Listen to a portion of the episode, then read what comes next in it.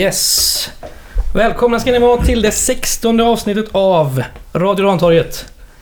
Eh, idag är vi faktiskt sponsrade eh, av Guys Up North som säger, eller uppmanar alla norr om Hisingen att åka på matcherna. När det väl blir match som man får åka på. Så då har vi sagt det. Eh, jag som pratar, eh, Fredrik Johansson, som vanligt. Eh, jag har med mig Martin på åsen. Tjena. Hej. Oskar Pettersson sitter där och pillar på sin telefon. Jajamän. Det kanske är bra att stänga av dem så det inte börjar uh, Ja, det är tjalla. flygplansläge där. Det är bra. Jajamän. Så. Eh, och dagens gäst, Stefan Jakobsson. Välkommen. Tackar, tackar. Eh, Gais huvudtränare. Ja, Sen i bör- i slutet av förra året. I november. ja kan man säga. Roligt, roligt att ha dig här Ja. alltså. Jag har verkligen sett fram emot Ja. det här avsnittet. Vi har när, kommer, när kommer om, eh, Stefan? När kommer ja. Stefan? Vi har snackat om det i vår lilla eh, chattgrupp. Eh, vi är ju tio ungefär som håller, håller i detta. Mm. Och du har varit eh, omtalad som eh, drömgäst. Ja, nu, nu är jag här i alla fall. Det, det, här är sista, det här är sista avsnittet. Det kan jag säga att det är inte. Men det blir, det blir svårt för nästa person att komma hit. Ja. Vi kanske Ja, kör det ett blir bra. sånt eh, lågvattenmärke nästa vecka igen. Nej, jag skojar. Eh, ja, men välkommen som sagt. Vi har fått en jävla massa frågor från alla olika håll. Det, vår chattgrupp har gått riktigt varm. Okej. Eh, så att... Fan, fire away på sen. Du har ju gjort ett jättefint jobb här med att sammanställa dem. Ja, men jag tänker Stefan, kan vi få börja med att berätta lite hur läget är? Hur, eh, hur Mm. måste nu för tiden och sådär? Eh, ja, i den här knepiga pandemin tiden så är det väl väldigt bra i alla fall på Gaisgården. Vi försöker att förhålla oss till eh, det vi ska göra. Vi har ju nyligen fått ett protokoll på liksom, eh, hur verksamheten ska vara för att eh, förhindra smittspridning i, i vår trupp i alla fall. Och, eh, så att vi inte tar med oss någonting ut i samhället heller. Och, det var en, en diger lista som vi inledde idag med massa Ja, vi skulle tvätta händerna både när vi gick på av planen och spelarna får byta om hemma. Allt för att minimera liksom det här och få den här sociala dis- distanseringen så Mm. mycket som möjligt.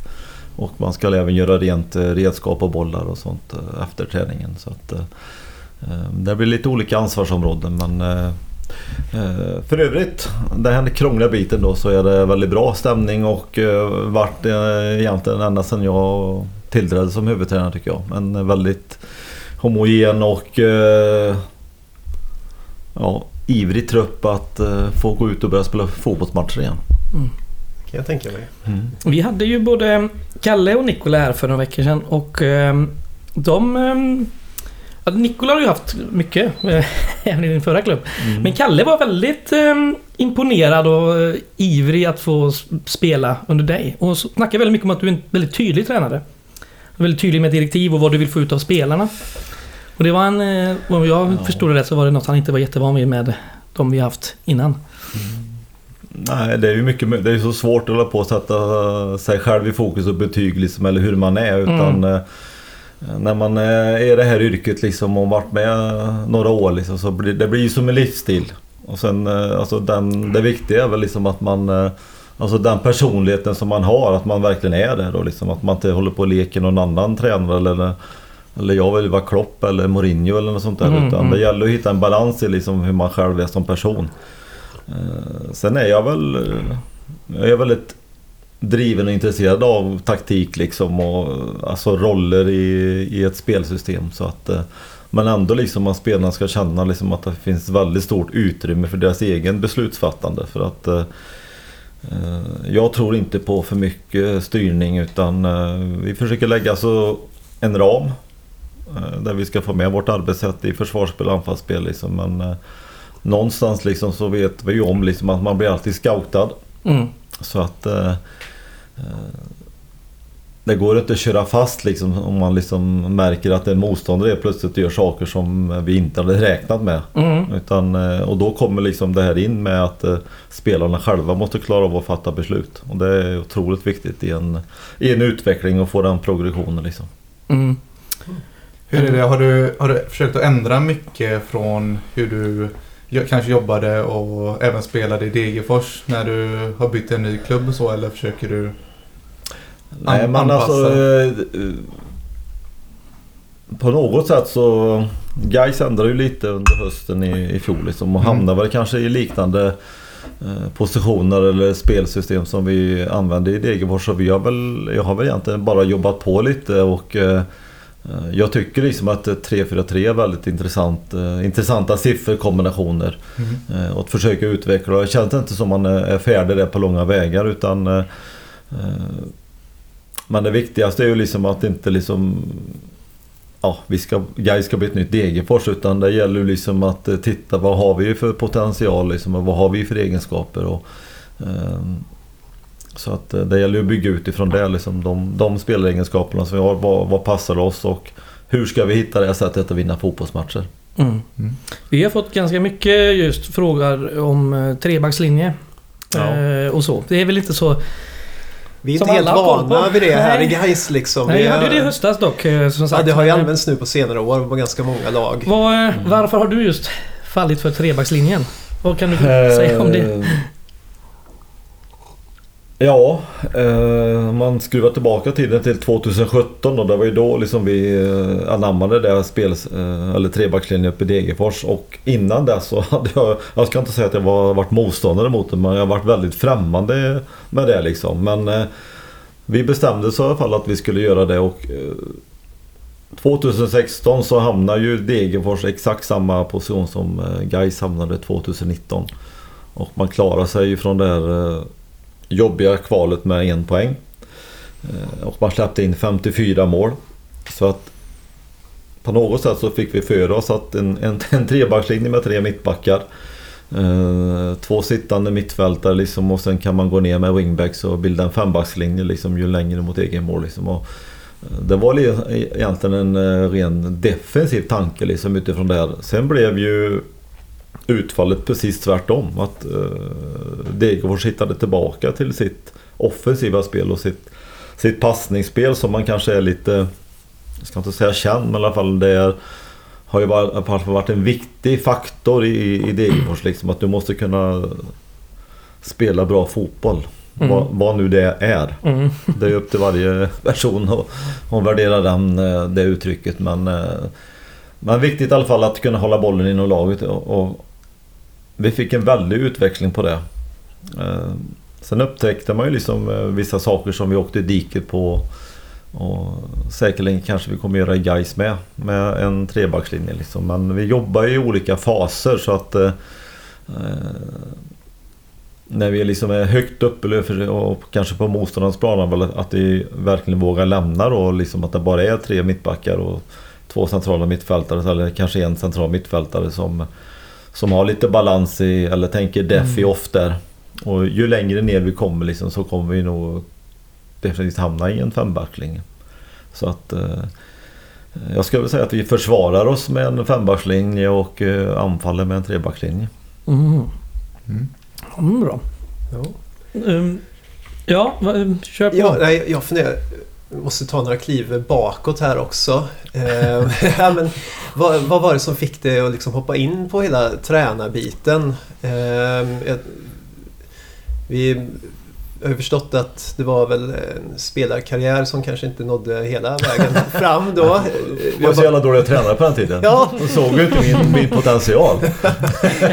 Vi, vi funderade lite här innan. Vilken, vad hade du för roll? Var, vart spelade du på planen? Eh, Jag var en central mittfältare. Yes! Så att, Centrala. eh, där har jag hållit hus egentligen hela mitt liv. Och eh, hade väl liksom en roll att eh, hämta boll från backlinjen och starta anfallen. Ja, precis som jag Sen, sa. Det var faktiskt att det jag inte hamnade högre upp det var liksom att jag hade väl väldigt svårt att ta mig ur mittcirkeln. Det, det blev ju mitt område. Eh, Så att... Det fanns en gång ett litet rykte om att Norrköping tittade lite på mig när jag spelade i, i, i Tibro AIK. Men eh, eh, jag vet inte ens om det är sant men eh, mitt ego säger att det var sant. Vi tror på det. Ja, jag tror på den biten. Sen att jag blev tränare, det var egentligen alltså väldigt slumpartat. Liksom. Jag hade in, inga planer på det. Liksom. Och det är väl något som man ångrar nu, liksom, att man inte liksom kanske tänkte till. Men jag är ju så gammal så liksom... När jag spelade så fanns ju inte liksom fo, eller det var inget yrke då Nej. som det är idag. Idag kan du liksom som 20-åring bestämma dig liksom att uh, börja satsa tidigt och få de här tränarstegen eller tränarutbildningarna liksom. Och även om de har blivit dyra nu. Så att uh, man kanske måste ha någon som uh, sponsrar eller betalar eller om man inte nu har en tjock plånbok själv då kanske. Men idag går det liksom att bestämma sig för liksom att jag vill bli någonting inom, inom idrotten. På lite olika plan. Fystränare finns ju liksom och allt möjligt liksom. Mm. Så att det är ju, de här teamen växer ju. Du kan ju bli liksom eh, analytiker och matchanalys och hela den där biten. Och det är inte alla klubbar som har de resurserna att ha dem på heltid kanske. Men alltså, det finns ju väldigt många funktioner då, liksom i elitidrott som kan generera ett heltidsjobb. Så att eh, jag hade egentligen slutat. Sen ringde den eh, nya tränaren då, det hette var i IFK Mariestad eh, i millenniumskiftet och frågade om inte eh, kan du inte ändå vara lite backup och vara ja, assisterande tränare. Ja, det kan jag vara liksom då men... Ja, där startade jag liksom 2000. Och sen... Eh, ja, bara, bara iväg och sen åker man vinna division 4-serie och lite sånt där med typ AIK. Då, alltså vinner du någonting då är du helt plötsligt en bra tränare. Mm. Så att eh, du förlorar då är du en värdelös tränare. -huh. vilket är långt ifrån sanningen men det är ju det är den stämpel och betyget vi hela tiden får leva efter. Just det. När började du tänka i banorna att tränarkarriären skulle bli ett heltidsjobb? Eh, ja, också Mässigt men efter fyra år med Skövde AIK där någonstans i eh, början, eller ja, vilka var det? 2009, 10, 11 och 12 där. Nej, 8, 9, 10, 11. Ja, så hade jag gjort ett ja, ganska bra resultat med Skövde AIK. Vi borde ju ha gått upp i Superettan 2009. Vi eh, slog Öster borta i en seriefinal och högst flux när det var tre omgångar kvar så ledde vi serien med sex poäng. Och eh, ja, enligt alla var det klart och man hade, har fortfarande svårt att förstå att man eh, tappade det, det mm. försprånget.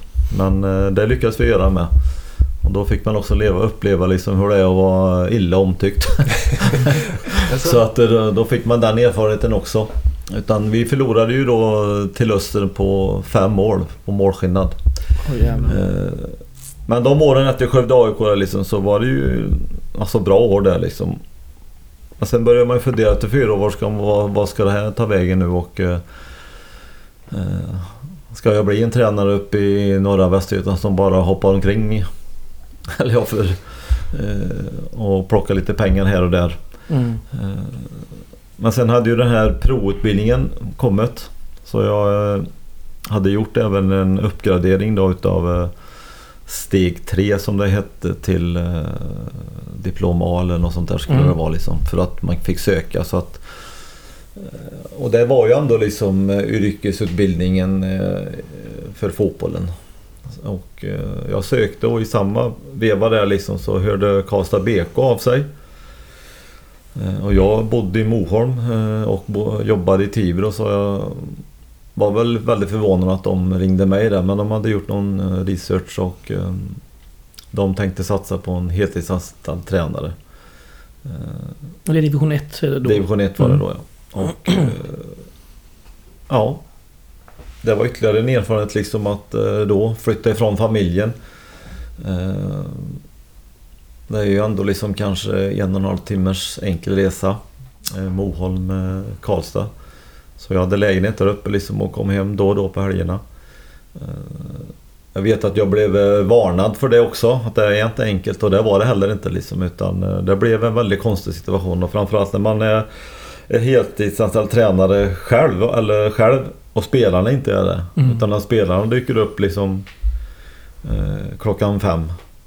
Och sen kör man träningen liksom. Så, och det var ju en, en ny ny roll för mig liksom också liksom så att eh, det var lite Det är väl två år där liksom som var väldigt tunga fotbollsår. Eh, och även sen blev tunga privat så att säga men eh, Det är en annan historia men eh, Ja, det var eh, tuffare än vad jag trodde liksom men sen blev jag ju klar med med provutbildningen 2013 och sen fick jag en eh, roll som typ ja, Kenneth Gustafsson har i Gais liksom som akademichef eller akademiansvarig och eh, tränade och coachade U19 och även U21. Eh, I Degerfors då? I Degerfors ja. Mm. Eh, Just det. och sen jobbade jag då på, även på, på skolan där liksom hade fotboll med gymnasieelever på NIU, NIU-delen där så att eh, det var ju i två och ett halvt år och sen helt plötsligt så klev Patrik av sommaren 2016. Och då hoppade jag in, eller fick jag förfrågan att och sen var jag där i tre och ett halvt år då. Men eh, Mm. de här åren att gå tillbaka och jobba med ungdomarna var nyttiga på något sätt. Man får en annan bild av den verksamheten och de drömmarna de lever så att säga. Precis. Just det. Eh, du lämnade ju Degerfors förra året. Eh, och då var väl bara att du blev erbjuden ett ettårskontrakt. Ja. Eh, blev du förvånad när du liksom... eh, Du har ändå gjort rätt bra resultat eh, i Degerfors. Jag menar, blev du förvånad när de bara liksom... Ja, det ska jag väl inte sitta och ljuga om att jag, att jag blev liksom. För att den hösten vi gjorde liksom i Degerfors i fjol eller om man tittar på de 15 sista omgångarna så, så vann ju Degerfors serien. Mm. Eh, med någon poäng och tittar man bara på de 10 sista så vann man ju med, med 6 poäng. Mm. Eh, Så att det är klart att det blev ju... Ja, jag blev väl lite förvånad liksom för att, att erbjuda en tränare bara ett år eh, Känns ju lite som att det är lite på väg ut då. Eller det finns ju ingen säkerhet liksom för eh, som en enskild tränare liksom att bara acceptera i ett år och eh, för vi vet ju hur den här branschen är liksom. Alltså, Mm. Efter fyra raka förluster kanske du får gå. Eh, Så att... Nej, det var, det, var, en- det var lite en konstig känsla. Men samtidigt så hade ju Gais kommit då in i bilden där, eh, där också. När förhandlingarna eller snacket med, med Degerfors var igång. Så att eh, eh, jag var ju nere här och, Mm. och träffade dem och liksom fastnade för liksom vad, de- vad de ville. Vad de, och framförallt vad de erbjöd mig. De erbjöd mig liksom bättre personliga grejer än vad Degerfors gjorde. Så att, och sen var jag väldigt nyfiken på liksom, alltså hur, hur det är att träna då, liksom en storstadsklubb. Mm. Eh, Jag tror att det är väldigt annorlunda i alla fall. Och, eh, Det får man nog påstå. Eh, det känns som en attraktionskraft som Ja. Gais ändå har kvar fortfarande. För det har varit mycket upp och ner de senaste åren. Men det känns ändå som en USP att ha det just att... vi berör. Ja, ja men också just att eh, spelare och tränare får bo i Göteborg och... eh, Alltså det är en viss skillnad ändå mot eh, Ja. Värnamo eller Degerfors eller Falkenberg Vad eller vad det nu kan vara. Eh, Så måste det ju vara eh, såklart. Och sen även, vi har ju de korta kontrakt och omsättning med spelare och tränare. Det har ju absolut eh, hänt i guys. Det kan Mm. det. Och, och det var ju en, en fråga vi tänkte på. Du som ändå har sett eh, spelat i samma serie, och, eller tränat i samma serie, och sett guys utifrån. Eh, vad, varför har det gått så dåligt för guys de senaste, de senaste åren? Har du något, eller har du något tanke på hur ser det ut utifrån? Och hur har klubben uppfattats Mm. utifrån även liksom utanför eh, fotbollsplanen? Ja, alltså som klubb och, och liksom det intresset så är det, liksom, så är det ju, är det ju ändå fantastiskt. Liksom. Alltså, det är ju ett otroligt tryck när man kommer hit till Ullevi liksom, som motståndare och ska möta eh, framförallt Gais men det är ju även tryck när man möter ÖIS med. Liksom. Så det är ju, är ju väldigt svårt att liksom, komma hit och spela matcher i, i Göteborg. Men alltså utifrån när man tittar liksom så här så har man ju svårt, alltså man vet ju inte vad som har rört sig i i kulisserna eller sådär. Mm. Men alltså, man har ju svårt att förstå liksom att det har gått som det har gått. Mm. Alltså från en, en femteplats i Allsvenskan eh, 2011 var det eller? Yes. Ja, och sen åka ur. eh, Och sen liksom eh, år efter år få en sämre tabellplacering. Eh, Men det är en, jag tror att det är en, det är en kombination av liksom att för stor spelaromsättning. Det är ju liksom rent generellt sett väldigt svårt att få det att funka liksom om du ska byta ut som även vi har gjort inför det här Mm. året. Alltså 14, 15, kanske 16 spelare varenda år liksom. Mm. Eh, Du får ju ingen kontinuitet i det liksom. Och sen har man ju även då eh, sparkat tränare. Och det är också, alltså det kommer in nya figurer hela tiden liksom. Ingenting får sätta sig. Mm. Eh, Alltså ett, kanske för lite tålamod. Och sen liksom så tror jag liksom att eh, klubbens eh, historik och arv alltså sätter sig på spelarna. Liksom att man känner ju liksom att man vill vara med och, liksom, och man vill vara en allsvensk klubb och, och den här biten. Och ibland så blir ju det här mentala trycket liksom lite för stort. För att Mm. jag kan ju personligen märka liksom att jag tyckte liksom att vi hade bra träningar tidigt. Men när det blev match så blev ju spelarna eh, lite små. Mm. Mm. Man riktigt krympte lite liksom och man kände liksom trycket från läktaren direkt. Och, och det här liksom och...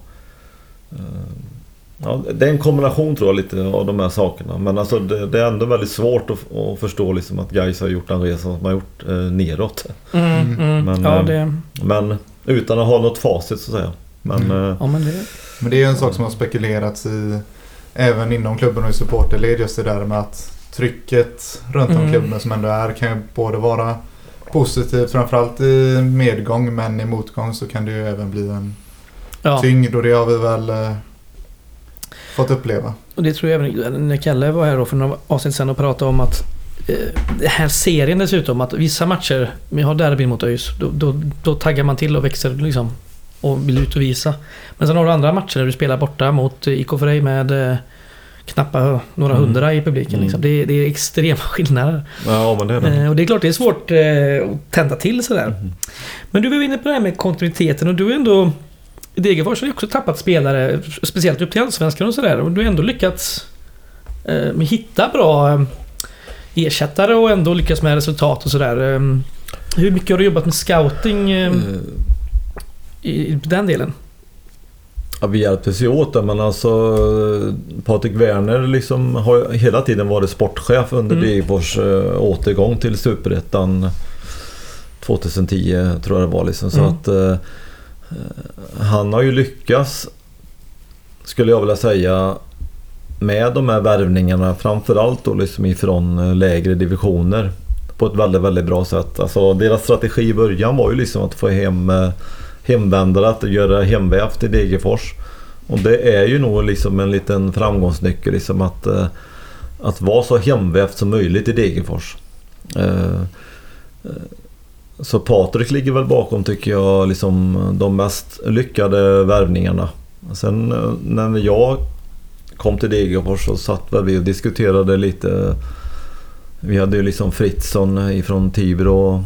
Jag har bra koll liksom i Skövdeområdet så att både Gustav Granat och eh, Sargon Abraham och de Mm. här som eh, hade jag ju koll på. Jag hade ju Sargon som eh, då var han ju junior i Skövde AIK liksom. Mm. Och var ju bra då liksom men kan ju säga att han hade några kilo mer då än, än han har nu Mm. på kroppen. Så att Men det känns som att, eh, nästan som att Degerfors haft lite, eh, alltså upptagningsområdet i, på liksom Skara-slätten har liksom Mm. varit Degerfors nästan. Jag, eh, har guys, det var Johan Mårtensson då för 12-13 år sedan. Liksom. ja, honom hade jag i Skövde AIK. Ja, det. Ja. Men nej men alltså tackar vi för. Ja. många är ju Degerfors har ju starkt näste i, i, i norra Västergötland, eller Skaraborg kan man säga. Mm. Kan guys vara med och utmana där nu kanske lite grann Eh, i, ja. i scoutingverksamheten? Eh, Gais hade ju en ambition där eh, Alltså när Johan eh, kom ner här Att det skulle vara något lite samarbete då mellan Skövde AIK Mm. och, eh, och Gais Och Gais hade en Gais-dag där uppe eh, och, och lite sånt där Eh, Det var Leif Julem tror jag som fixade det Tillsammans med Tony Persson och, Mm. och lite sånt där Eh, Men det är ju lättare sagt än gjort. Alltså det är alltid lätt Mm. att säga att man ska samarbeta. Ja, och sen lyckas eh, hålla igång det och sådär. Det är inte ja. alltid... Nej. Nej men Degerfors styrka har varit liksom att, och Patrik är av den hävden liksom att eh, eh, Det är svårt att hitta liksom en eh, före detta eller en allsvensk spelare som ska varva ner från Stockholm. Alltså att han ska liksom tycka det var kul att spela i Degerfors. Mm. Eh, utan alla som ska till eh, Degerfors ska liksom verkligen brinna för det liksom. Och, där har ju Patrik gjort ett bra jobb. Mm. Så att... eh, eh, ja, det, de Eh, hittade rätt i alla fall. Ja, på tal om lite eh, scouting, statistik och annat. Eh, Det var du som sa det förut om Playmaker AI. Ja, just det. Tar du Ehm, det? Ja, nej men eh, jag, jag, det, jag för mig att jag har hört att, att guys eh, använder den tjänsten numera. Alltså Playmaker AI, den här statistik och Ja. eh, analys Ja. Vi har ett avtal med dem ja. Är det du som har Ja, velat ha det så att ja säga? jag ville ha det för att eh, jag satt i Skype-möte med Joakim Plogell heter han tror jag. Och eh, vi satt och tittade lite på det och eh, det är ju det här berömda spindelnätet som man ser Mm. i fotbollslabbet och Det stämmer. vad de har. Eh, Du får ju en väldigt bra bild liksom vad det är för sorts spelare om man säger så. Så att eh, jag vet vi tittade på Erik Björndal då som vann, eh, Mm. vann skytteligan i fjol. Och han liksom var ju närkampsspel, huvudspel och avslut så var ju anses...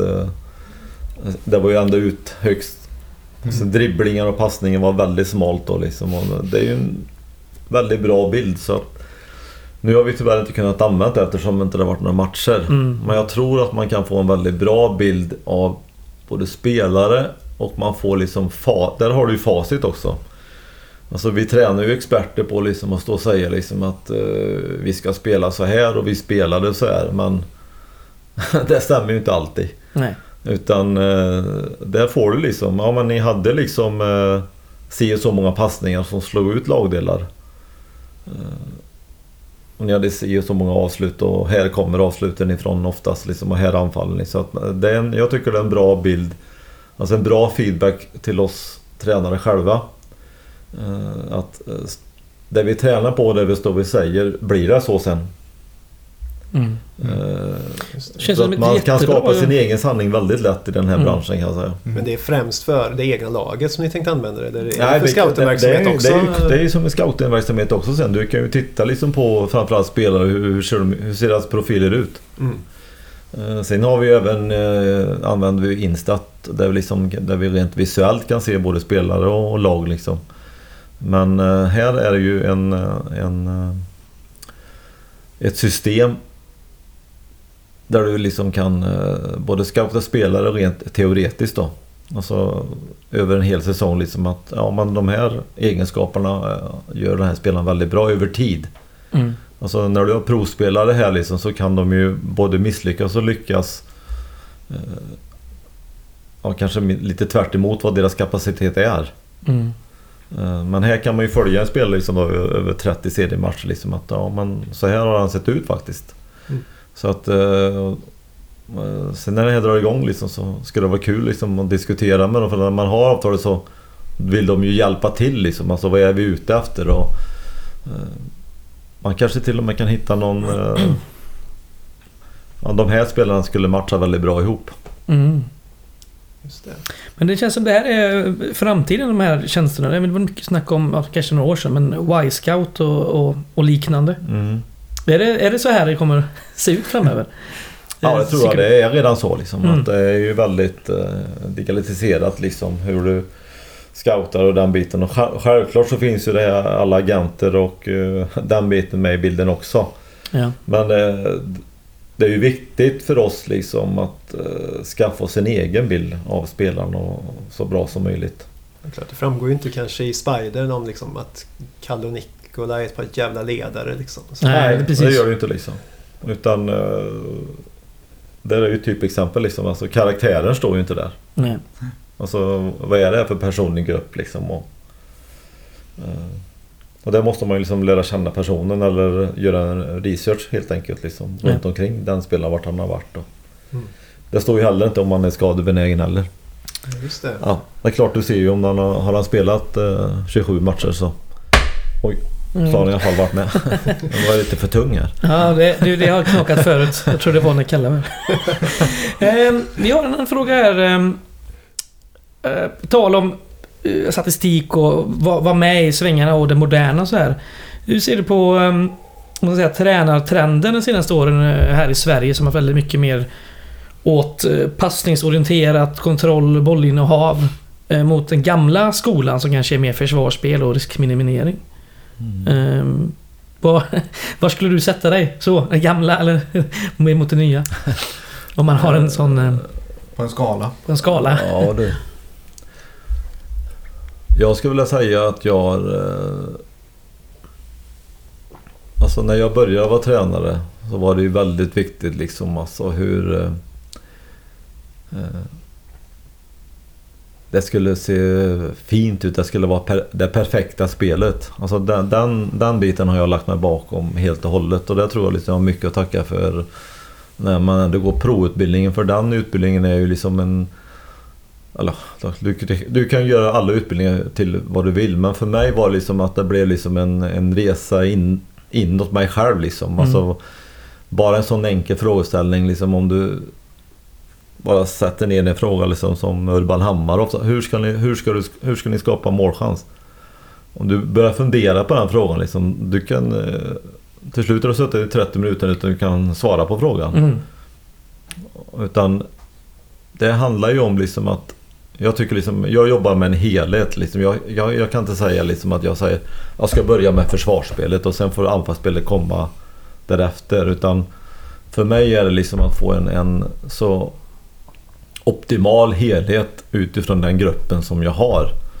Eh, Om jag någon gång skulle komma till en situation där vi kan köpa in det där exakt hur man vill spela och hur den biten. Då, då får det bli en annan fråga. Men där är Mm, inte jag mm. än. Utan vi lever i en, i en värld liksom, i Superettan framförallt liksom, där du eh, måste klara av att eh, utveckla dina spelare och utveckla kollektivet och eh, individuellt liksom. Och i en början så är liksom när man kommer som ny tränare liksom, då, då måste kollektivet komma i första hand.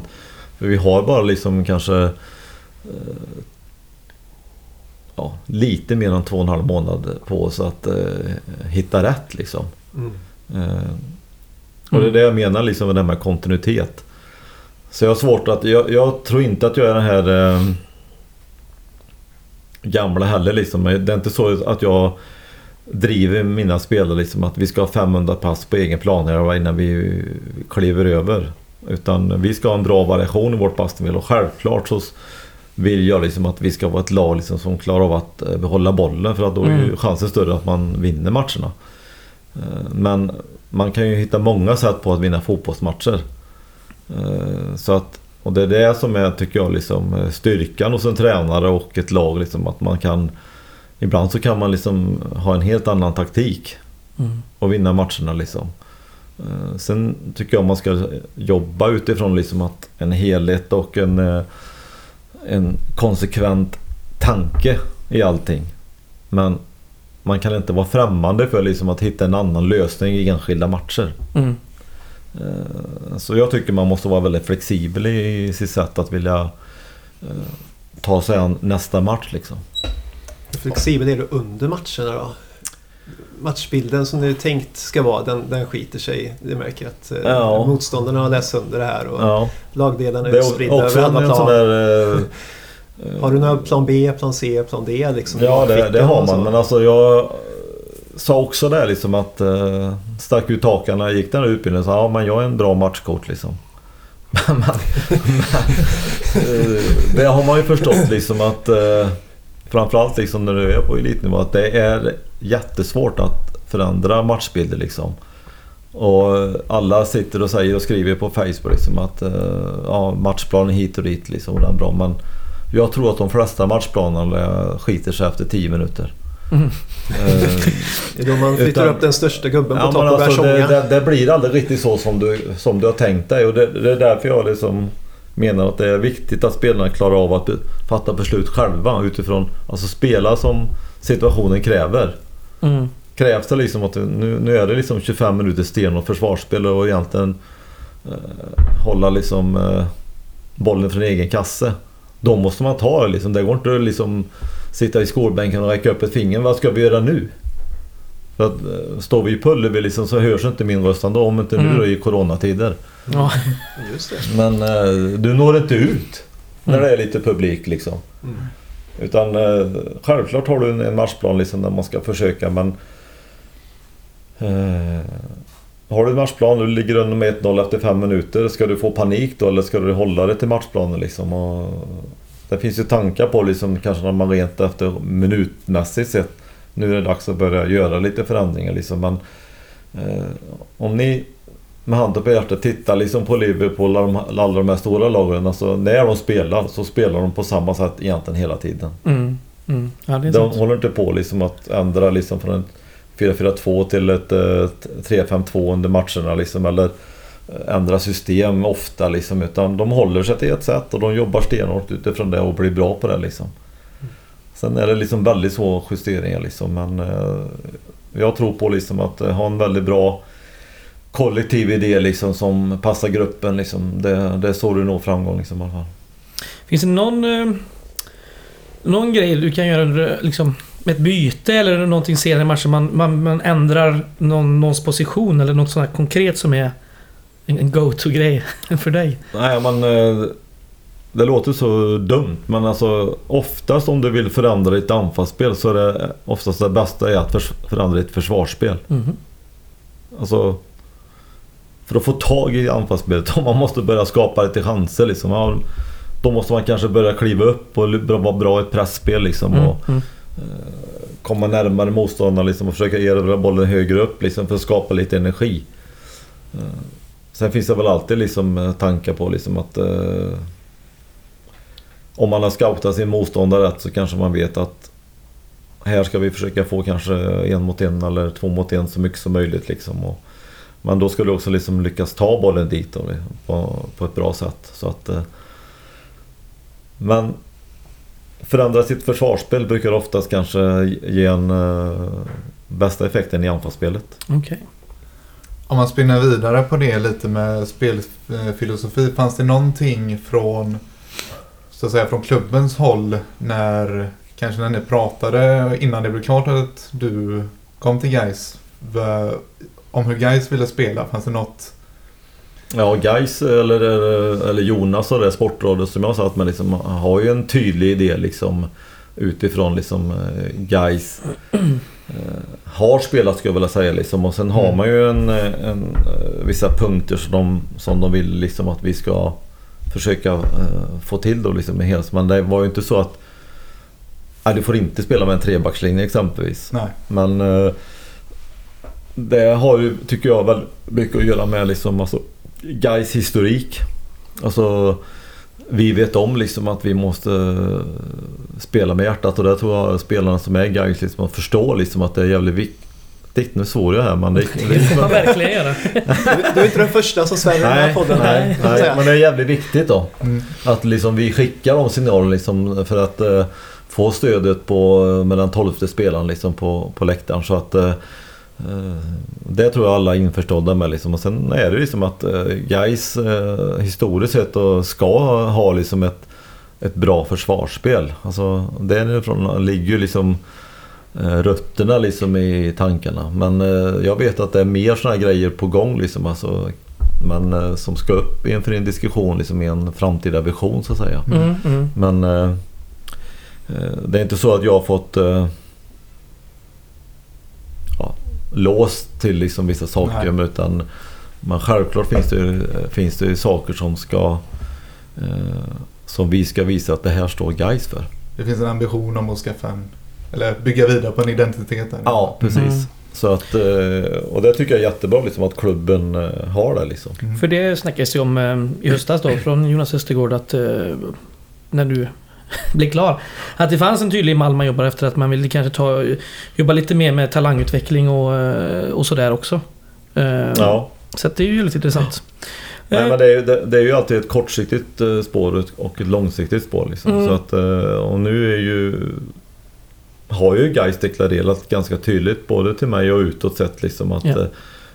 vi tänker jobba långsiktigt liksom och ser det här första projektet liksom på en 3 till 5 årsplan liksom att eh, på något sätt liksom då utmana om att bli ett allsvenskt lag igen. Mm, mm, mm. Ja men det, det är väl ändå det som har eh, önskats från läktarhåll ganska länge. Att man vill fan bara ha ett mellanår typ. bara så- Det räcker. Lugna sig lite. Ja, ja. Ja. Eh, Lugnt i september och framåt. Ja, det hade varit jävligt skönt. Ja, Någonstans så har det väl känts lite så de senaste åren också. Att ibland så har man, eller någon gång så har det värvats en tränare och sen har man kommit på hur man vill spela ungefär. Mm, mm. Mm. Och Ja, det här långsiktiga har väl saknats i mångt och mycket. Mm. Ja. Men det tror jag liksom är viktigt. Eh, Det, det är ju många tränare som resonerar så med liksom men... eh, Ja men varför... Varför rekryterar ni mig för liksom och... Ni vill spela så och, ni står, och jag står för den här fotbollen liksom och det krockar liksom. Och, Mm. Där har man väl sett många, många liksom så här och så fort då inte resultatet kommer då brakar det ihop liksom. Ja, precis. Det är väl Alexander Axén som har sagt det, jag kan ha varit någon podd han var med i, att han har fått så mycket konstiga förfrågningar från sportstyrelser, alltså från eh, klubbar, att man liksom storknar. Att de är liksom inte, de tänker inte ens längre än vad näsan räcker liksom. Det är ändå jävligt intressant. Ja. Vad eh, tror du behövs eh, för att etablera Gais som ett eh, topplag i Superettan? Vad behöver klubben, föreningen göra eh, för att nå dit man vill? Ja, eh, vi ska väl ha ett möte här liksom nästa vecka där vi ska sätta lite riktlinjer. Det, det pågår ju liksom. Det är det som är kul med guys liksom att de, eh, de ligger inte och vilar utan, på hanen utan de vill ju liksom hitta de här riktlinjerna liksom. Så. Ja. Men jag tror liksom att det är väldigt viktigt att, eh, att man eh, det sportsliga och organisationen växer hand i hand. Mm. Alltså det är ju mycket mer än bara träna och spela matcher i en elitklubb liksom. Och där tror jag guys ligger jättelångt efter. Mm. Och du måste få upp den här organisationen på något sätt. Och det tror jag liksom är alla superettans uh, jättedilemma. Uh, Degerfors var ju samma grej liksom. Man, ja, man, kan, man kan göra väldigt mycket paralleller mellan Degerfors och guys även om det skiljer mycket i, i antal Mm. människor som bor i orten. Men eh, det tror jag är liksom att eh, ja, fa- faciliteter. Eh, säg liksom att man spelar på en hybridmatta. Så kanske du bör träna på en hybridmatta. Mm. Mm. Ja, så, typ sådana grejer liksom att man hittar liksom en, en linje i allting. Liksom vad, träning, match liksom. Och, eh, sen menar jag på liksom att eh, om man anser liksom att tränare är viktiga liksom, så bör man ju också... Nu är jag liksom lite part i målet där men eh, jag tror det är viktigt liksom att ha eh, kontinuitet och liksom framförallt välutbildade. Att det finns kompetens runt omkring spelarna Mm. på alla plan. Det som krävs idag för att eh, klara av en elitverksamhet och- eller elitkarriär som, som fotbollsspelare. Eh, men vi- vet ju alla liksom att eh, ekonomin är extremt viktig. Liksom. Så. Eh, Så att, men det finns säkert massa eh, grejer liksom runt omkring. Men, men att det är en organisation som växer med liksom. Så att det är alltid lätt liksom att du kan ju lyck- lyckas hux flux liksom sportsligt. Alltså pang så är du där bara. Mm. Mm. Och sen är inte liksom övriga klubben med. Nej, Sen man uppe och vänder kanske.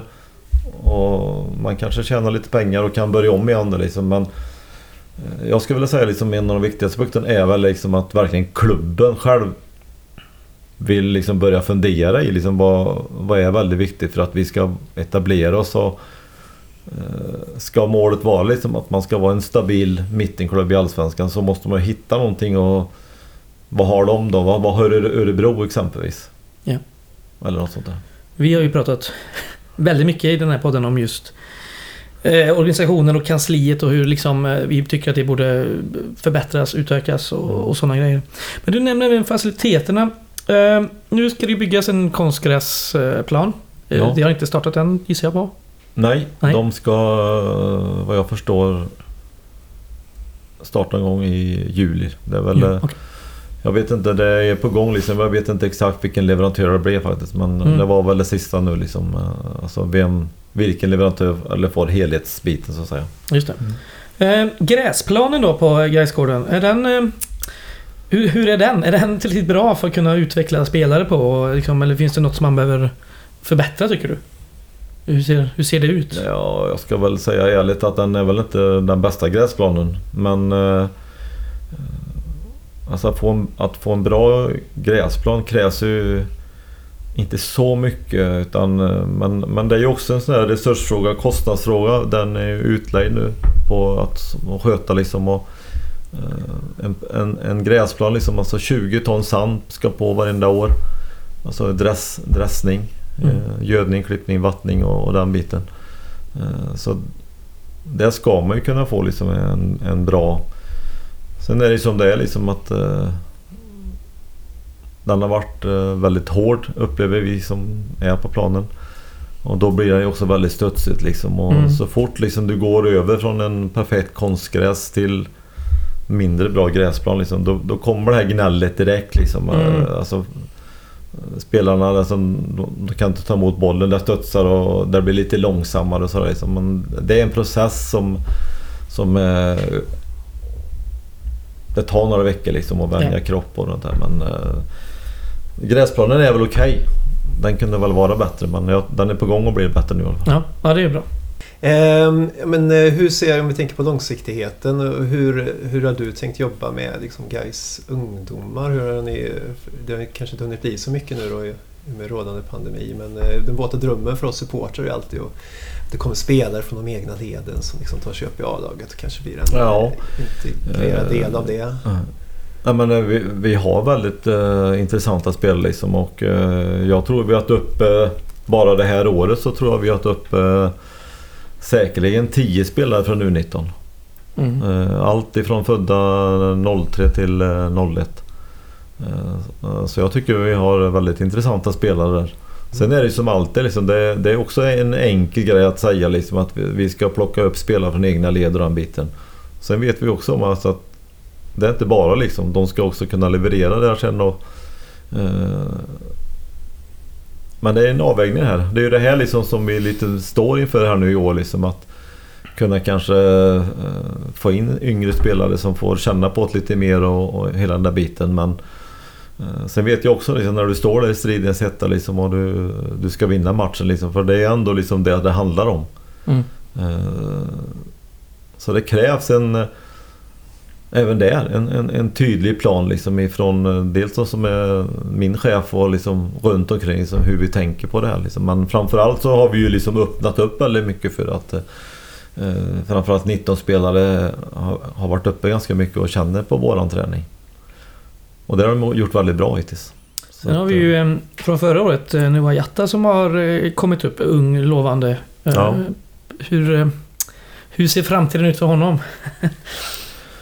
Nej men eh, han är ju framförallt en eh, jättelovande spelare liksom. Men han behöver också hitta sin identitet liksom. Och eh, Noah är ju bra passningsspelare, bolltrygg. Och eh, tror jag liksom en, en, en väldigt ljus framtid liksom. Om han liksom kan plocka fram liksom eh, Ja, en liten tuffare personlighet liksom. Alltså, en ung spelare kommer upp liksom och med och, och kör sitt race liksom. Men Mm. Eh, man måste kunna ta plats också. Och, eh, både i spel och kanske verbalt ibland. Liksom. Så att det, är- det är inte bara att kliva upp liksom och eh, ha en, en lovande historik. Liksom, utan eh, Noah har väldigt mycket liksom, på plats. Eh, kan han bara liksom, få en liten, liten tuffare approach liksom, i sitt agerande på planen så har han säkert en jätteljus framtid. Det var ju en eh, otrolig debut tyckte jag när han eh, kom in i någon match förra året. I halvlek. Ja, han kom in mot Degerfors. Ja, Han var, precis. jätte, han, var, han var jättebra. Han var Fan. otrolig. Alltså, det kändes som att den här killen 17 år, han var ju liksom... Han, ja, han var fan otrolig. Så att jag hoppas vi det går bra med honom. Verkligen. Ehm, ja, Mm. Eh, vi fick en ganska rolig fråga här innan vi började spela in från eh, Sofia Jakobsson som har varit eh, gäst här. Mm. Vilka Bosko-fasoner har du fått ta ur spelarna?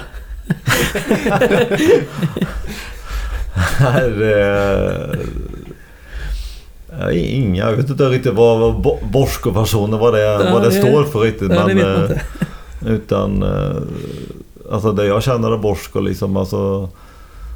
Är ju en tränare som vill äga mycket boll liksom och eh, vinna fotbollsmatcher på liksom att man har ett stort bollinnehav liksom. Och jag har aldrig haft några problem med, med Borsko liksom. Sen blev det som det blev. Eh, eh, var ju hårt tryck på både han och, och Gais liksom i, Mm. Framförallt när vi var här och mötte dem i slutet på våren där, eller juni för något år sedan. Eh, Så att... ehm, Nej, jag- jag har inte behövt plocka bort några bortgåfasoner. De måste veta vad det är först innan jag kan säga det. Men... Ja, nej, jag vill inte spekulera i det heller. Försvann ju ett par spelare där också efter att... eh, efter säsongen. Så det, det kanske var de med bäst, mest Bosko-fasoner Ja, som... vi eh, hade ju vår före detta lagkapten som Mm. hade det beryktade Bosko-klausulen. Eh, Som eh, vi inte vet om det stämmer eller inte. Men eh, ja, det är intressant. Mm. Vi har fått en annan fråga som är det här uppehållet nu då. Hur påverkar det truppen och hela osäkerheten kring om det kommer igång eller inte? Ja, det, det är ju jättesvårt.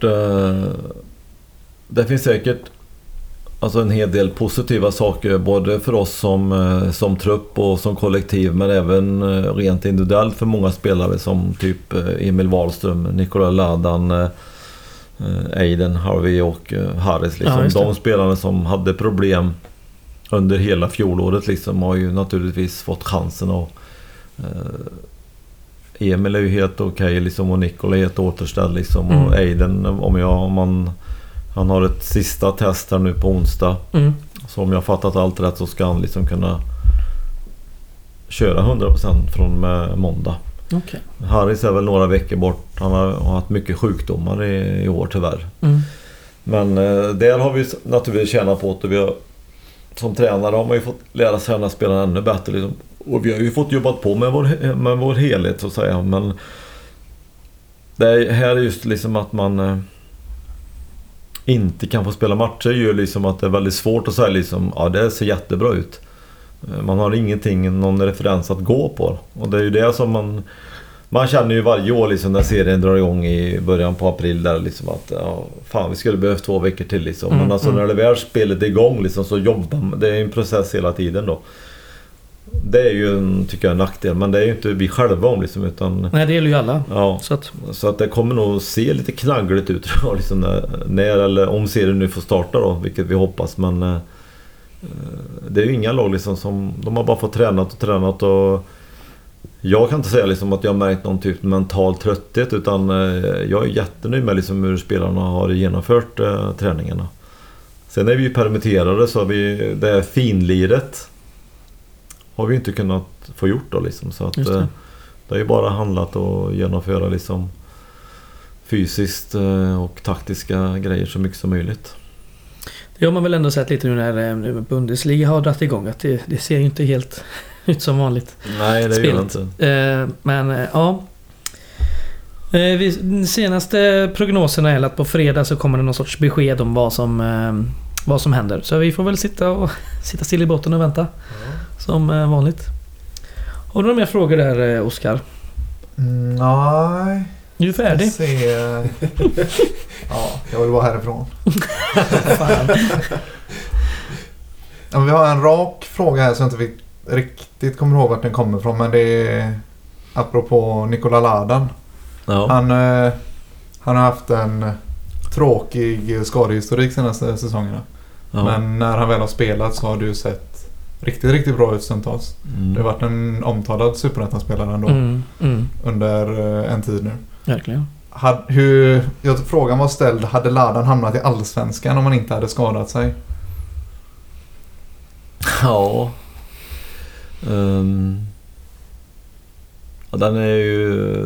Den är väldigt rak frågan framförallt. den är- Men, eh, ja, man vet inte liksom. Alltså, Nikola eh, har ju haft en fantastisk utveckling i, i Degerfors. Mm. Men har ju liksom... Fick ju ta en, en väldigt viktig roll och han tog ju eh, rollen väldigt bra. Liksom. Alltså, han är ju ett, ett lagkaptensämne om man säger så. Mm. Eh, och är ju en eh, verbal spelare liksom som, som driver laget eh, hårt liksom. Och, och, och gör det på ett väldigt bra sätt tycker jag. Och, eh, han blev precis den här pusselbiten i Degerfors som, som man har saknat lite där liksom. Det är lite välkammade pojkar liksom och eh, lugna. Men han Mm. liksom blev liksom drivknuten där. Ja. Sen är det lite annorlunda i Gais. Liksom. Det är flera liksom som eh, har lite den eh, kapaciteten. Mm. Mm. Eh, Nikola var i otroligt bra form när han fick den här sk- knäskadan liksom och eh, jag säger att eh, den matchen Degerfors gjorde mot Malmö FF borta i. Svenska cupen så Mm. var ju Nikola en av planens bästa spelare. Sen är det jättesvårt liksom att säga liksom att han har den här allsvenska kapaciteten liksom. eh, Men... eh, Ja, Eh, knäskadan gjorde ju inte att det, chanserna förbättrades i alla fall. Men, Nej, Just det. men, så eh, mycket säkert.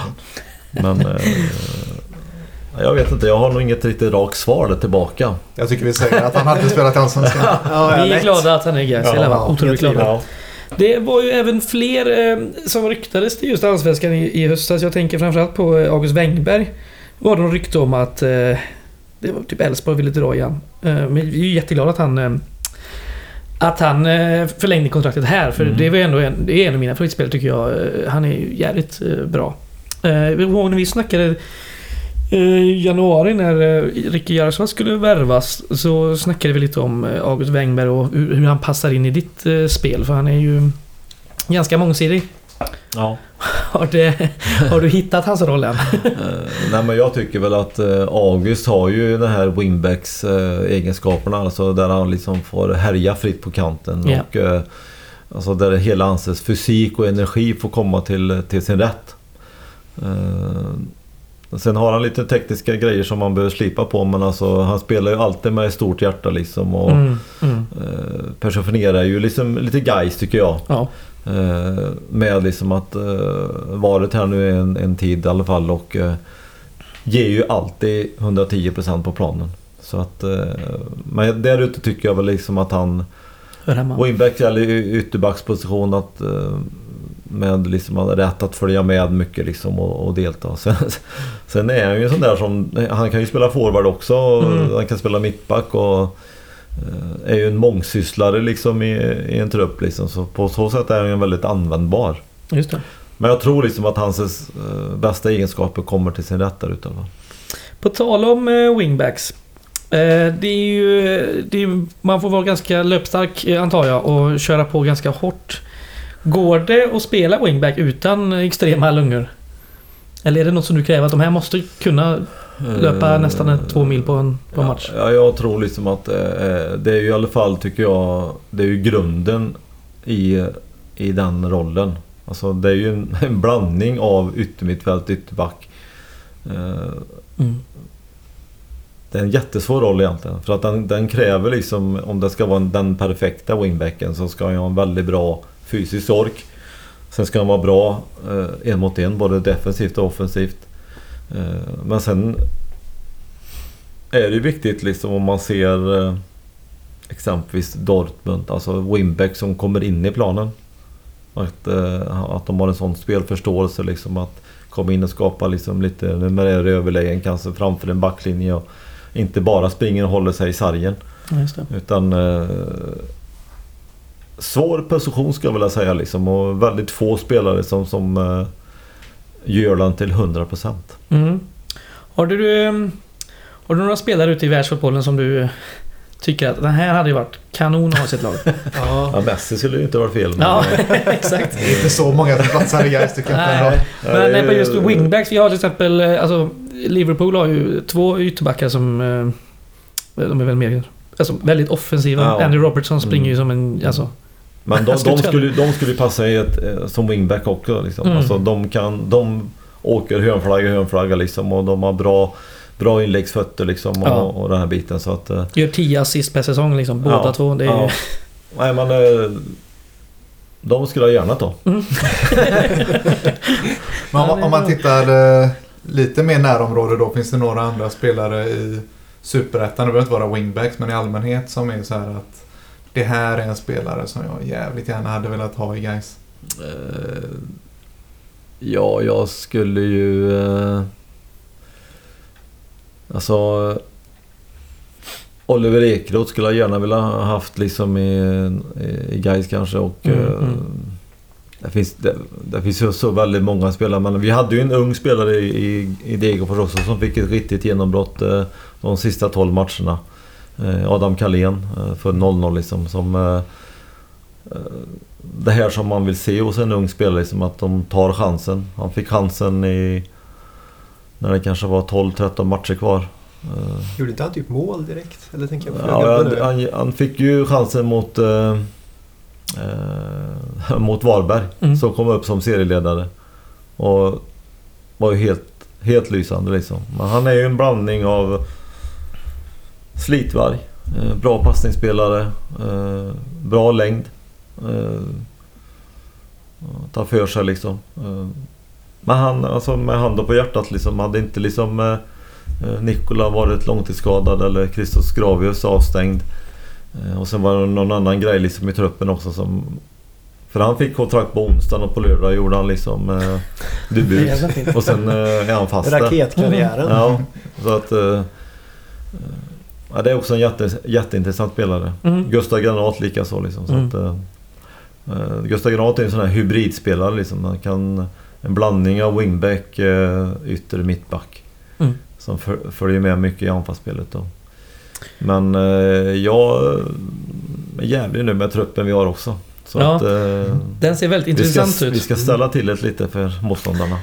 Det hoppas vi. Eh, på tal om truppen och det mest beryktade nyförvärvet vi har fått eh, Mervan Celik som är tillbaka. Mm. Det är ju... Eh, man var ju jävligt glad när det, det var klart. Det jag hade hört lite ryktes om det innan men det, man satt ju där och tänkte nej, det här är- det kommer aldrig hända liksom. Känns som han är för dyr men eh, det är ju också någon som har eh, meriter och eh, kommer från spel i, i, i stora liksom, fina ligor och sådär. Ja. Hur är det att få in en sån meriterad? Är det svårt att handskas med en sån eller är det bara... Han, han kanske är ganska ödmjuk, ödmjuk så, så att jag vet Det dräller ju inte av dem i Superettan. Nej, det gör ju inte det. Nej, nej, nej. Utan, eh, nej, det har inte varit svårt. Det, är klart att man funderade liksom så här, för jag kände ju inte Mervan eh, Mm, mm. eh, någonting egentligen. Men eh, jag tycker att det har matchat eh, riktigt bra liksom. Och, eh, jag vet inte, det, jag tror liksom, jag trivs väldigt bra från minut ett liksom i Mm. Gais liksom, och känt liksom att eh, min personlighet att den, att den funkar liksom. Och, eh, så det har ju inte gjort liksom att eh, mötet med Mervan har liksom känts krystat på något sätt utan eh, jag säger ju till honom lika mycket som jag säger till någon annan spelare om inte han skulle jobba eller berömmer honom liksom utan eh, han har ju jättefina egenskaper liksom utan det man måste liksom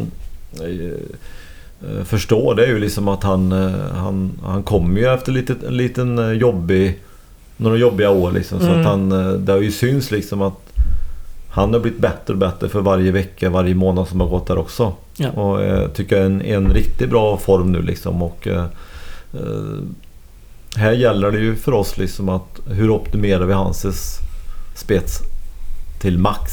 Ja. Och då får det kanske bli på någon annan bekostnad om man säger så. Ja. Utan här gäller liksom att eh, eh, få det att funka liksom och framförallt eh, samspelet mellan han och eh, Ricky liksom att det ska bli så bra som möjligt. Och, Mm. eh, så att eh, ja, det blir en eh, intressant historia. ja. Verkligen. Det känns som att det finns lite spets eh, nu. Alltså, Ricky Järvsö, det är ju en... Vad ska man säga? Det var lite starka känslor när eh, det var klart att han skulle komma. Men han är ju jävligt intressant spelare. Och gör ju mål. Eh, Ja. Så det är klart att...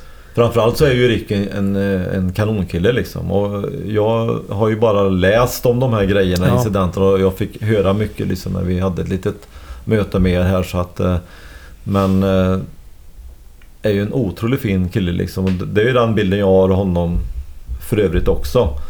Eh, Sen vet ju alla liksom det här med att det blir ju konfrontation mellan eh, fansen här liksom. Framförallt eh, om de är gör någonting eller om de finns i närliggande stad eller klubb liksom. Så att det blir ju alltid de här krockarna ibland kanske. Men han vet också var målet är liksom. Och han har en otroligt fin teknik liksom. Mm, mm. Har ni mer frågor grabbar? Mängder. Kör! Och, nej, jag, jag satt och tänkte på den, eh, den här offensiva trion. Vem kommer hålla till till höger? Det är jag ju lite nyfiken på. Det känns som att det haft lite spelare som varit där Ja. försäsongen. Ja. Eh, den känns väl ganska öppen fortfarande liksom. Mm, Eh, Visst gör den det? Ja. eh, så att... eh, Ågren var väl uppe och spelade den sista cupmatchen där till Ja. exempel. Jocke, vi har Julius Lindberg, vi har Julius Johansson, Mm. vi har Paolo. Ja, ja. Men vi letar ju lite mer en, en 10 än en 9 där om man säger så. Mm. Eh, Så att... eh, Ja, det, vi har Aiden Harvey. Mm. Mm. Just det. Kanske kan vara där. Eh, Även en sån som Harris kanske kan vara där också. när han kommer tillbaka. Så att den är lite öppen. Det är väl några positioner som jag tycker känns... Eh, för konkurrensen är ju stenhård. Alltså, vi har en väldigt, väldigt jämn trupp ska jag vilja säga. Mm. Eh, en och annan spets hit och dit liksom men... Eh, väldigt intressanta spelare på många positioner och vi kommer ju ha det här så kallade angenäma problemet att hitta den optimala elvan men samtidigt så vet vi inte riktigt hur spelschemat kommer bli. Det kanske det. Kommer rulla liksom lördag, onsdag, lördag liksom i princip hela säsongen. Så att vi lär nog be- behöva ha en jämn trupp liksom. Alltså både kunna rotera liksom eller om det kommer skador och avstängningar liksom. Så att, eh, det är ju också ett nytt för oss alla. Alltså alla tränare. Det är ingen tränare som har haft den här belastningen under så lång tid. Utan Nej. det kunde ju varit under en två veckors period. Du spelar liksom tätt liksom. Men sen är den över. Sen rullar du det här en match i veckan. Så att eh, det Ja, ska också bli intressant hur, man ska, hur, hur det utvecklar sig. Ja, och särskilt i Superettan också när vi inte har eh, Europamatcher och sånt att tänka på. Så. Nej. Det är ju ganska angenämt spelschema oftast jämfört Mm. med många andra elitlag. Ja. Mm. Fler, fler att fylla på där. Vi har kört över en timme nu. Det får folk vad de vill ha. Ja, det går fort när man har roligt. Ja, så är det. Verkligen. Vi kan väl... Eh, jag kan flika in det här. Det som släpptes igår eh, från Gais sida. Att det är en ny kampanj som heter Alla Tiders Guys. Där man får välja ut sin, sin drömelva från alla spelare från alla decennier. Gå in och gör det. Det kostar lite slant men det hjälper ju klubben. Så att kör! Och en till liten reklamspot jag ska få in är att som faktiskt alla runt bordet är även Stefan medlemmar i Gårdakvarnen. Så att eh, Mm. in och fixa det. Mm. Och man kan även beställa, eh, få hemskickat eh, fjolårets eh, tidning. Som eh, redaktör Påsen här har eh, fixat fram bland med, med sina medhjälpare. Ja, det finns ju lite schysst merch också på Det gör vår det. butikssida. Vi har massor, massor. Tyvärr inga bortaresor att eh, sälja, men eh, det kommer väl. Kanske kommer. Vi får se. Ja. Eh, ska vi köra lite kulturtips? Men det här på tycker jag. slutet. Oskar, du får äran att börja. Får jag dra igång? Yes. Ehm, ja, jag börjar med en bok som jag är halvvägs igenom. Men som jag har hört väldigt mycket gott om och som jag gillar hittills. Och det är Claes Ingessons bok. Det kan nog vara en del som har läst den redan. Men har ni inte gjort det så tycker jag att den Mm. är värd att införskaffa. Det är en nätt liten historia men eh, ack så fin. Gött. Eh, Claes Ingesson, det är bara lite cancer. Just det. Mm. Ja. Eh, den är fin. Bra med lite litteraturtips. Jag kör på ett poddtips. Eh, Jag har lyssnat senaste veckan väldigt mycket på Bröta på, heter podden. Som görs av GP-arbetarna Christian Wedel och Ina Lundström. Ina Lundström har vi ju tippat om innan med Flashback Forever. Också otroligt bra podd, så den kan man gärna få lyssna på. Det är, skrattfest, kan jag lova. Men Bröta på handlar mycket om Göteborgs historia. I något avsnitt så pratade de om eh, ja, kända slagsmål som varit i stan. Det var lite fotbollsmatcher som nämndes och sådär. Eh, AIK. eh, ja. Ja. Nej, det nämndes inte Nej. kanske men ja, det nämndes här i en annan avsnitt av oss. Men där nämndes bland annat våran Gustafsson som var med och bildade Guys. Mm. Den gamle brottaren. Så den kan ni väl lyssna på tycker jag. Den är bra. Mm. Ja, jag har väl också eh, eh, två lite litteratur här. Och Mhm. eh, fick hem med, med brevlådan eh, här i dagarna precis två böcker då. Eh, Erik Nivas Nationalteatern. Eh, hyfsat ny, några veckor gammal. Handlar det om, eh, alltså, om landslaget eller vad? Ja, bland annat. Det är ju, vad anspelar titeln på? ja, ja, men det är ju i, spelare i Sverige helt enkelt. Och Mhm. pratar vi, det är, antar att det är hans krönikor och, och, och så som Ah, ja, limmats ihop till en ny bok. Ehm, och eh, sen, eh, och han är ju alltid läsvärd. Det är ju Så är liksom satisfaction guaranteed. Eh, och eh, sen fick jag även hem en bok som heter One Free One Two Among the Ultras. Det. Av, vad heter författaren? Typ James Montague eller något sånt där. Han har varit ute på en resa runt om i världen och fått eh, eh, ja, fått en inblick i och, och kunnat prata med eh, stora eh, då, ultrasgrupper runt om i världen. Ehm, och Eh, ja, och de första kapitlen är lovande. Så att jag kan eh, baserat på, på det rekommendera de här två eh, böckerna. Stefan då? Nu har du redan Ja, fått komma till jag med tips. ju tänka till här också då. Men ja, jag får väl ändå då, jag är ju en fotbollsnörd så att det finns ju lite olika poddar också. Tränarpodden och taktikpodden att, att följa och lyssna och alltid intressanta profiler där som Du bland annat. eh, ja, ja, precis. Eh, Ja. Om man vill lyssna lite på det. Men eh, sen kan jag väl säga Pilane, konst ute i naturen i Skärhamn. Mm. Skärhamn. Skärhamn. Ja, stjärnan. Så att äh, åka dit och titta lite rekommenderar jag. Fin Mm. natur och lite olika konstverk där som Just det. framförallt ansiktet Anna som är 30 meter högt eller något sånt där som syns tydligt där. Man ser en hel del utav eh, Nu snackar vi delar kultur. av Bohuslän. Mm. Ja men nice. Underbart! Ska jag flika in ett sista poddtips också? Ja, jag utlovade förra gången jag var med att jag skulle ta med mig radiodokumentärer. Började Mm. jag med. Så jag flikar in med en, en P3 Dokumentär till. Eh, eller två faktiskt. Som, som hänger ihop. Ja. Du, du frågade mig förra gången om det skulle vara något Sydamerika-tema. Ja, Det var det inte men det kommer denna gången. ja istället. Eh, P3 har en dokumentär om statskuppen i Chile. Ja. Som är värd att lyssna på. Och även en dokumentär om Harald Edelstam. Som var ambassadör där nere Mm. eh, under den här perioden. Och en känd diplomat och humanist och så vidare. Fick Så du inget Sydamerika här? Ja, Fasen på ett hörn. Snyggt! Så de kan man lyssna på också om man Ja. är tråkig. Härligt. Det var väl eh, det hela. 1.11 hamnar vi på säger jag här. Det är ju kanon. Eh, Vi tackar för oss och ni kommer att höra mer från oss eh, inom kort. I Mm. nästa vecka gissar jag på. Vad det. Bra. Ja. Och tack för att du kom Stefan. Ja, stort Tack så mycket. Ja, ha det tack. gott. Hej! Hej. Hej.